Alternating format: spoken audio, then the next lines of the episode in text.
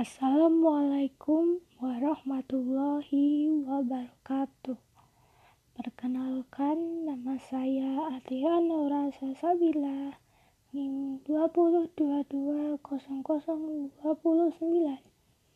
Prodi Akuntansi F, yang akan menjawab UTS PSI keempat. Soal pertama adalah Jelaskan perbedaan antara data, informasi, dan pengetahuan. Berikan contohnya. Data adalah sebuah fakta atau serangkaian fakta yang memiliki suatu kejadian. Contoh, umur, nilai ujian, warna mobil, ukuran sepatu, jenis rambut, dan sebagainya. Informasi adalah hasil pemrosesan dari data yang telah terkumpul sehingga memiliki arti dalam suatu konteks tertentu. Contoh, lulusan terbaik tahun 2009, rata-rata IPK lulusan 2009, dan sebagainya. Pengetahuan adalah hasil pengetahuan pengelolaan informasi sehingga menjadi bermanfaat. Lebih jelasnya, saya jelaskan adalah contoh dari data suhu di ruangan kelas saat ini mencapai 15 derajat Celcius. Informasinya adalah ruangan kelas dingin. Pengetahuannya adalah mahasiswa yang kedinginan sebaiknya memakai jaket. Contoh kedua, data ada 500 mobil sedang melaju ke Jalan Jenderal Sudirman. Informasinya adalah Jalan Jenderal Sudirman macet parah. Pengetahuannya adalah bagi pengendara mobil pengambil jalan alternatif Tanah Abang. Jadi, gambar di atas terlihat jelas bahwa dari data yang banyak dapat diolah menjadi informasi dan dari informasi tersebut diproses menjadi pengetahuan atau knowledge yang lebih sedikit mampu memberi value yang lebih besar. Yang kedua adalah apa yang dimaksud dengan database? Bagaimana tahapan-tahapan membuat sebuah database? Lalu berikan contohnya. Jawaban saya adalah database adalah struktur data yang menyimpan informasi yang terorganisir. Sebagian besar database berisi beberapa tabel yang masing-masing dapat mencakup beberapa bidang yang berbeda. Misalnya, database perusahaan dapat menyertakan tabel untuk produk karyawan dan catatan keuangan. Masing-masing tabel ini akan memiliki bidang berbeda yang relevan dan informasi yang disimpan dalam tabel. Database adalah organisasi yang menyimpan informasi tentang domain tertentu. Lebih sederhana, database adalah pengolahan data yang berhubungan dengan subjek yang sama dan perlu disimpan untuk keamanan atau konferensi di masa depan. Tahap-tahapannya. Tahap pertama adalah database planning. Menentukan tujuan dari adanya database yang ingin dibuat. Gambaran secara luas seperti bagaimana nantinya mengumpulkan data, desain, dan foto da format data. Pada tahap pertama ini harus ditentukan mission statement atau visi atau tujuan data itu dibuat dan mission objective atau misi atau apa saja yang dilakukan oleh database tersebut. Yang kedua tahapannya adalah system definition. Sebuah database pasti memiliki user view. Pada tahap ini user view akan diidentifikasi dan ditentukan perannya. Tahap tiga adalah requirement collection and analysis. Tahap ini akan mengumpulkan dan menganalisis data yang akan dibutuhkan oleh database. Tentunya juga kebutuhan apa saja yang dibutuhkan oleh bangun database yang diharapkan.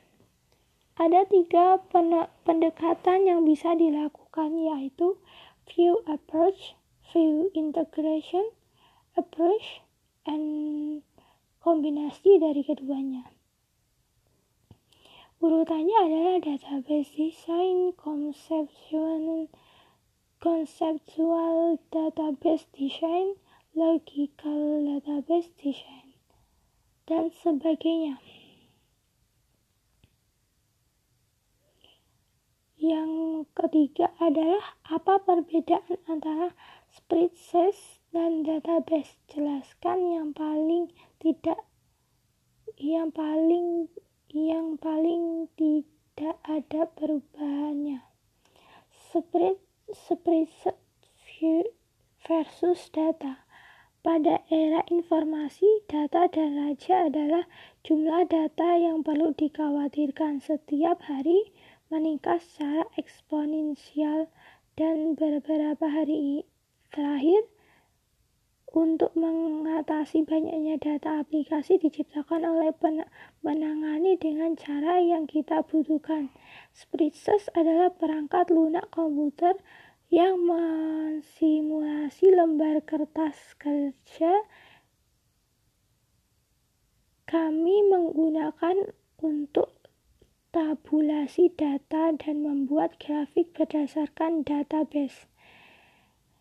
Database adalah kumpulan data terkait yang bisa diakses dengan cepat.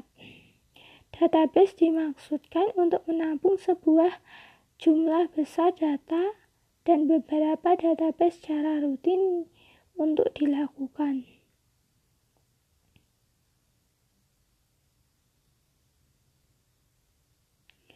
Yang kelima adalah apa itu data miring metadata Metadata dan data warehouse. Jelaskan.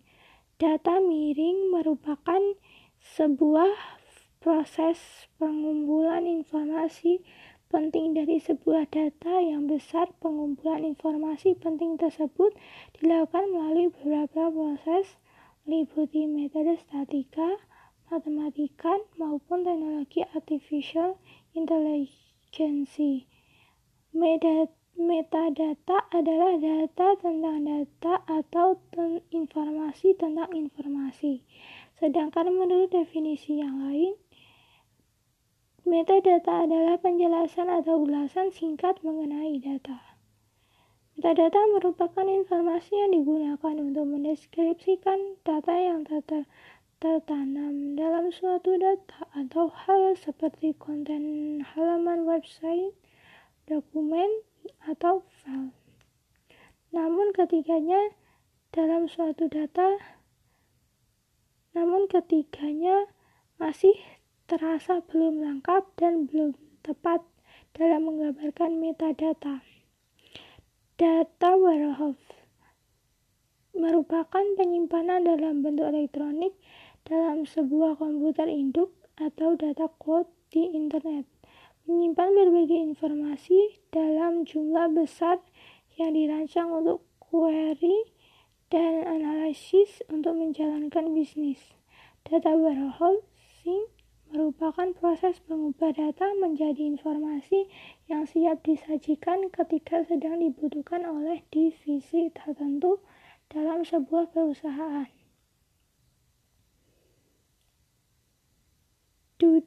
Pertanyaan selanjutnya adalah Dudi dan Cindy baru saja lulus SMA. Mereka ingin belajar tentang big data yang sedang viral di medsos. Dapatkah kamu memberikan gambaran penjelasan tentang big data kepada mereka? Jawaban saya adalah big data adalah kumpulan proses yang terdiri dari volume data dalam jumlah besar yang distruktur maupun tidak struktur dan digunakan untuk membantu kegiatan bisnis. Big data sendiri merupakan pengembangan dari sistem data pada umumnya.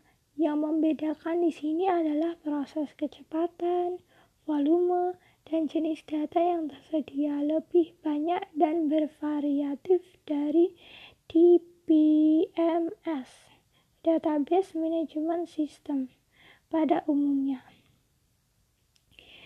Big data ini dibagi menjadi tiga atau disebut tiga V. Satu volume, dua velocity, tiga variety. Yang pertama adalah volume. Volume adalah ukuran data yang dimiliki oleh big data, memiliki kapasitas yang besar. Kalau velocity adalah kecepatan transfer data, juga sangat berpengaruh dalam proses pengiriman data dengan efektif dan stabil. Variety jenis variasi data yang memiliki oleh big data lebih banyak dari penggunaan sistem database SQL. Jenis data yang masih sifatnya tradisional lebih struktur daripada data yang belum struktur. Contohnya teks, audio, dan video.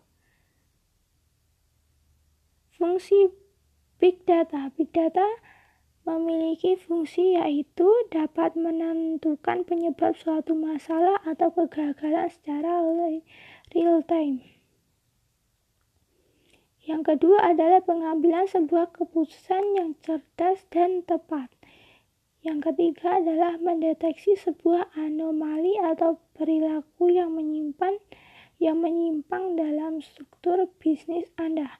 Yang ke, yang terakhir adalah mengurangi biaya, waktu dan peningkatan performa produk aplikasi. Sekian jawaban dari saya. Jika Kurang dan lebihnya mohon dimaafkan. Wassalamualaikum warahmatullahi wabarakatuh.